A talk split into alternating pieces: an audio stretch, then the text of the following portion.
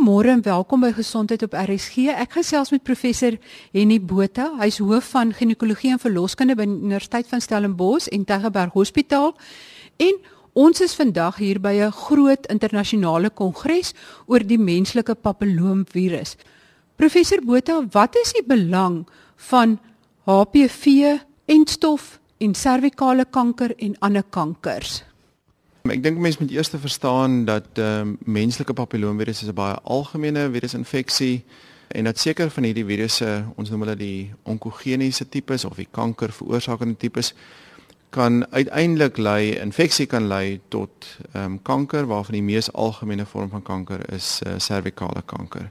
Hierdie kongres wat ons nou in Kaapstad het is eintlik vir ons almal baie opwindend. Dis die eerste keer dat hierdie kongres in Afrika aangebied word en al die topnavorsers oor papilloomvirus is hier bymekaar om te dink oor die toekoms van tegnologie, hoe ons uh, hierdie siekte kan aanspreek. Wat presies is die verband tussen HPV virus of HP virus en kanker? Die virusinfeksie is baie algemeen. Ek wil sê die meeste van ons gaan eers in ons lewe blootgestel word aan menslike papilloomvirus infeksie. Maar omtrent 1 in 10 van ons het nie die vermoë om ontslae te raak van daai virus deur normale immuniteit nie. En as die virus 'n blywende infeksie veroorsaak van langer as sê net maar 6 maande tot 'n jaar, kan dit uiteindelik lei tot abnormale selle wat dan mettertyd kan lei tot kanker. Ons het tegnologie wat verskil kan maak aan serviskarsinoom byvoorbeeld in die eerste plek enstowwe wat kan voorkom dat iemand in die eerste plek die infeksie opdoen en dan in die tweede plek in ouer vroue wat gewoond is aan gereeld gaan vir 'n papsmeer om serviskarsinoom op te tel, is daar nou nuwe tegnologie beskikbaar om te toets vir die virusinfeksie wat vir ons 'n bietjie meer inligting gee oor die risiko vir kanker. Dit gee vir ons 'n beter indikasie van wat om te doen uh, met 'n abnormale resultaat. So hierdie twee nuwe tegnologieë um, help ons eintlik om 'n baie beter voorkoming te doen van serviskarsinoom servikale kanker as mens alle jong meisies en seuns in en kan mens dit uitwis of is dit nie heeltemal uitwisbaar nie? Is dit net 'n droom? Ek dink nie dit is net 'n droom nie dit is heeltemal moontlik. Op die oomblik is ons nasionale program in Suid-Afrika om te fokus op meisies want hulle word by verre die meeste geaffekteer deur die siekte. Maar uiteindelik wil 'n mens graag seuns en meisies immuniseer teen hierdie virus sodat daar geen plek is vir die virus om eintlik weg te kruip nie en dat die hele populasie beskerm word teen infeksie met die virus uiteindelik teen die kanker. En ons begin die effekte van 'n uh, populasie gebaseerde enstofprogram sien in plekke soos Australië wat al 'n hele lang tyd besig is met enstowwe. Hulle het aanvanklik ook begin met 'n meisies alleen program um, en vir die laaste ongeveer 4 jaar immuniseer hulle seuns ook. En ons kan alreeds die dramatiese afname in voorlopers van kanker sien. Dit sal uiteindelik as ons dit ordentlik doen 'n enorme verskil maak aan die hoeveelheid kankers. Ek wil net soort van teruggaan amper na die fisiologie toe. Dis nou 'n virus wat in die serviks beland en dan infeksie veroorsaak. Maar hoe gaan dit oor van 'n virusinfeksie na kankersel toe? Dis eintlik 'n goeie vraag. Die virusinfeksie op sy eie is eintlik nie gevaarlik nie, want die virus kan kom en gaan, maar as die virus binne in die sel begin werk om sekere van die belangrike prosesse in die sel af te skakel. Met ander woorde as die infeksie vir langer as 'n klompie maande teenwoordig is, dan skakel dit twee baie belangrike prosesse af wat ons beskerm teen kanker. So in Engels noem mense dit tumor suppressor gene of 'n onderdrukkende meganisme vir kanker. Die virus skakel daai beskermingsmeganismes af wat dan beteken 'n abnormale sel kan mettertyd homself verdeel en begin groei en dan kan 'n klompie abnormale selle kan uiteindelik 'n uh, tumor veroorsaak wat dan kan versprei na die res van die liggaam. So dis 'n lang proses en dit gee vir ons die geleentheid om eintlik dit op te tel voordat dit nog 'n ernstige probleem word, deur byvoorbeeld papsmere of menslike papilloomvirus toetse. So infeksie per se is nie gevaarlik nie, maar die effekte van die infeksie op die sel raak uiteindelik gevaarlik. So met die nuwere toetse op vroue wat nou nie meer tienermeisies is nie, maar al seksueel aktief is en al 'n entjie gelewe het, sê maar in hulle 30s of so. En julle doen die toetse, kan julle dan net sien die virus is teenwoordig nog voordat jy kan sien dat daar kankeragtige selle is. Ja, ek dink die tegnologie wat ons nou beskikbaar het kan toets vir die virus teenwoordigheid. Ehm um, op die oomblik bly papsmere steeds die aanvaarde manier van sifting vir serviskarsinoom. Ek dink ons moet net vir mense aanmoedig om nog steeds te gaan vir papsmere. Wat op die oomblik gebeur is dat jou dokter kan 'n addisionele toets aanvra nadat daar 'n effens abnormale um, resultaat terugkom. Doen ons 'n addisionele toets om te kyk vir een van hierdie virusse en as ons een van die gevaarlike virusse optel op die toets, dan weet ons om daai pasiënt vroeër te stuur vir verdere toetse. So dit maak die papsmeer 'n bietjie meer akkuraat. In die toekoms gaan ons waarskynlik wegbeweeg van papsmeere as 'n eerste lyn toets, 'n eerste lyn toets en net toets vir die virus. Want as die virus nie daar is nie, dan kan jy nie serviskarsinoom onderlede hê nie. En ons gaan waarskynlik dan eerste begin met 'n virustoets en dan as die virus teenwoordig is, verdere toets om uit te vind of iemand behandeling nodig het. Al dan nie. Met ander woorde, daar's verskillende stamme van die menslike papilloomvirus en spesifieke stamme is meer kankerwekkend as ander.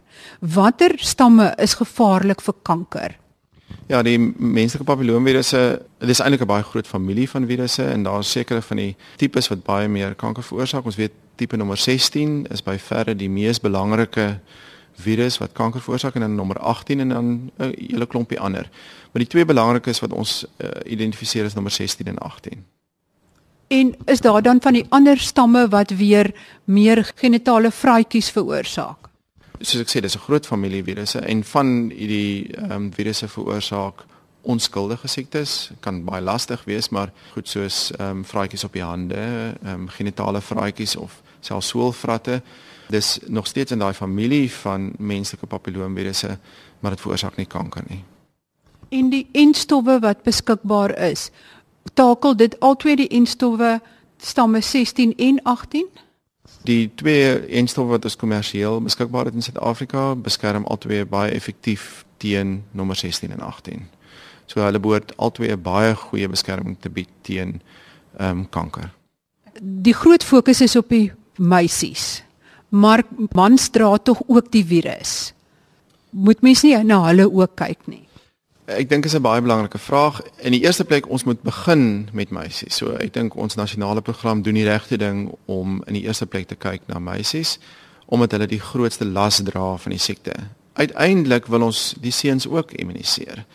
En ek dink daar's twee groot redes daarvoor. Die eerste rede is dat seuns ook siekte kan kry as gevolg van hierdie virusse, ook risiko vir genitale kankers, selfs kop en nek tumore wat geassosieer is met die virusinfeksie. Dis baie minder algemeen as in vroue, maar ek dink dit is een van die redes hoekom ons ehm um, seuns wil immuniseer. Tweede belangrike rede is dat ons graag die hele populasie immuun wil kry teen hierdie virusse. Wat sal beteken ons kry sogenaamde kudde immuniteit. Daar's nêrens vir hierdie virus plek om te skuil nie. Um, en ons kan met ander woorde deur seuns te immuniseer ook vrouens beskerm in die populasie. En ons kan reeds hierdie effekte begin sien in plekke soos Australië waar daar 'n dramatiese vermindering was in menslike papilloomvirus geassosieerde siekte. Seuns en meisies word geïmmuniseer daar vir die laaste omtrent 4 jaar. Dan wil ek net hoor die stamme 16 en 18 vir watter persentasie van servikale kanker is hulle verantwoordelik? Ons weet omtrent 70% van kanker is geassosieer met tipe 16 en 18. So mense kan onmiddellik jy weet dink dat hierdie enstof is met ander woorde nie 100% effektief nie. Daar's nuwe generasies van enstof op pad wat vir meer van hierdie tipes gaan beskerm.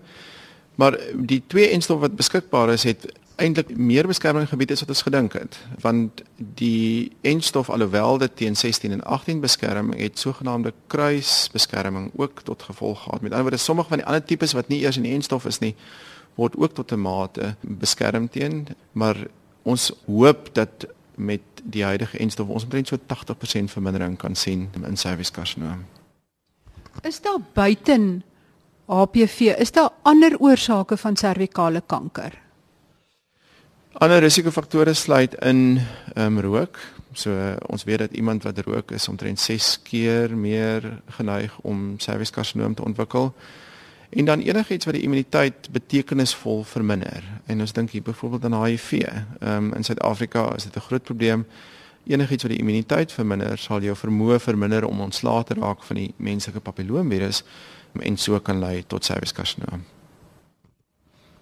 Wat sal jou hoofboodskap wees as jy nou met die leuke publiek gesels, met luisteraars gesels? Wat is die belangrikste boodskap wat jy graag vir hulle sal wil oordra?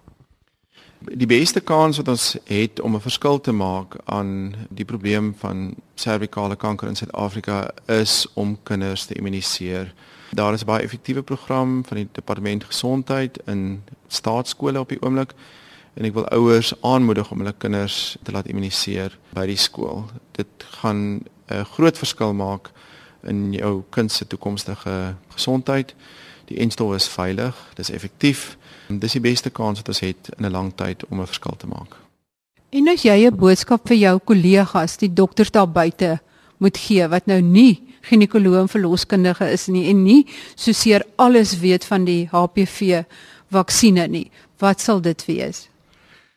Wat ek vir my kollegas wil sê is dat ons is in 'n tydperk van verandering in terme van die voorkoming van serviskarsinoom. Daar's nuwe tegnologie beskikbaar. Ons het nog nie al die antwoorde oor menslike papillomavirus toetsing nie, maar dit gee vir ons opwindende nuwe uh, stuk gereedskap om te werk aan die probleem van servikale kanker. So woon uh, inligtingsessies by oor menslike papilloomvirus maak seker jy weet van die nuutste tegnologie, maar oor die volgende paar jaar gaan ons uh, heelwat veranderinge sien. So die finale boodskap is as jy 'n jong meisie is, is dit verkieslik dat jy ingeënt kan word, want wie wil nou die kans laat verbygaan dat jy teen 'n kanker ingeënt kan word? Ja, natuurlik. Ek dink dit is die dit, dit is die belangrikste boodskap van vandag is immuniseer jong mense voordat hulle blootgestel word aan die virus en op so 'n manier kan ons potensieel omtrent al hierdie kankers voorkom. Dit was professor Henny Botha, hoof van ginekologie en verloskunde aan Universiteit van Stellenbosch en Tygerberg Hospitaal. Ek het ook die geleentheid gehad om te gesels met een van die belangrike internasionale sprekers op die kongres en dit was Dr Kenneth Alexander. Hy's hoof van infeksie siektes by die Nemours Kinderhospitaal in Orlando, Florida. Ek het hom gevra oor die gebruik van HPV-vaksines om kanker te voorkom en spesifiek die gebruik van HPV-vaksines in kinders. So I think three points is a, is a good way of putting it. The first thing is that this is a tremendously egalitarian virus. Human papillomaviruses affect everybody. Your lifetime risk of an infection across the world is 80%. It affects everybody. It's a rain that falls on the righteous and the unrighteous. So the first point is no one can rightly say, this is not me, this is not my children. This affects all of us. The second point is that the virus causes bad disease. That while most people who acquire the infection have no trouble, this is the virus associated with cervical cancer, with genital warts, with vaginal and vulvar cancer, anal cancer, and head and neck cancer. So this is a virus that probably accounts for 5 to 8% of the cancers in the world.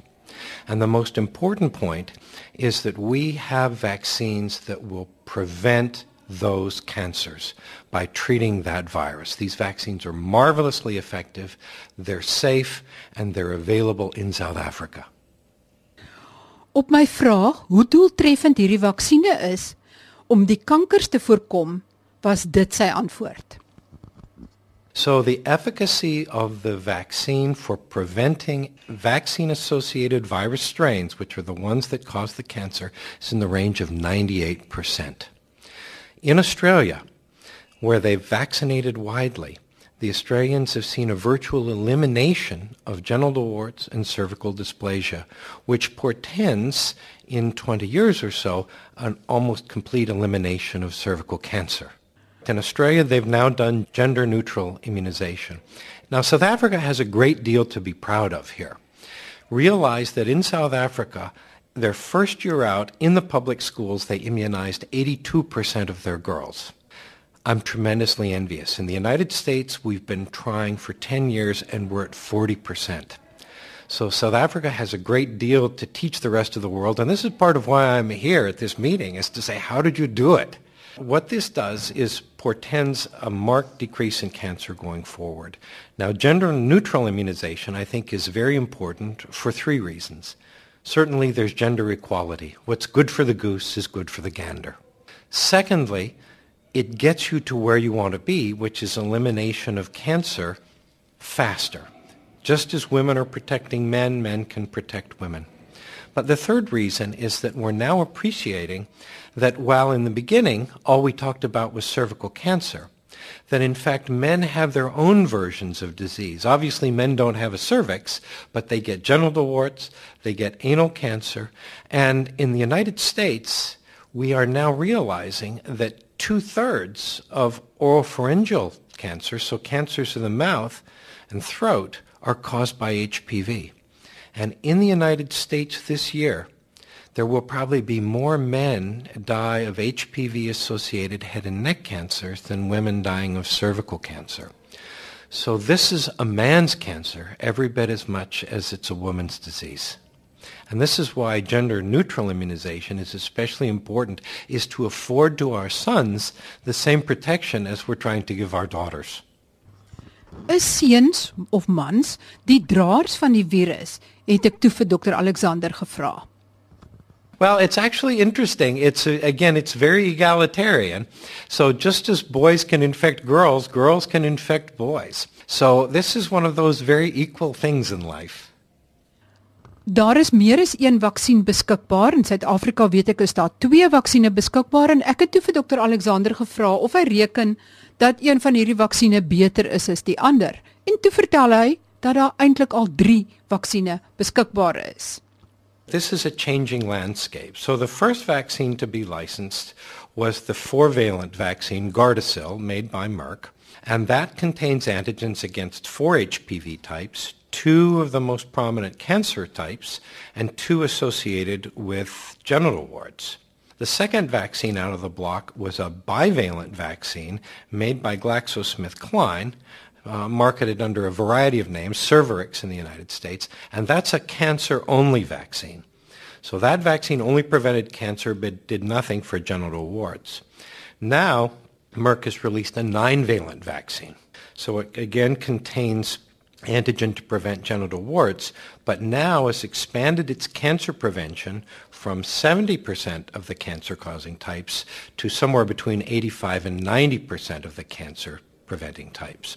So given the opportunity, of course, more is better. That's the way the world is. But I think the most important thing is any of them is better than nothing.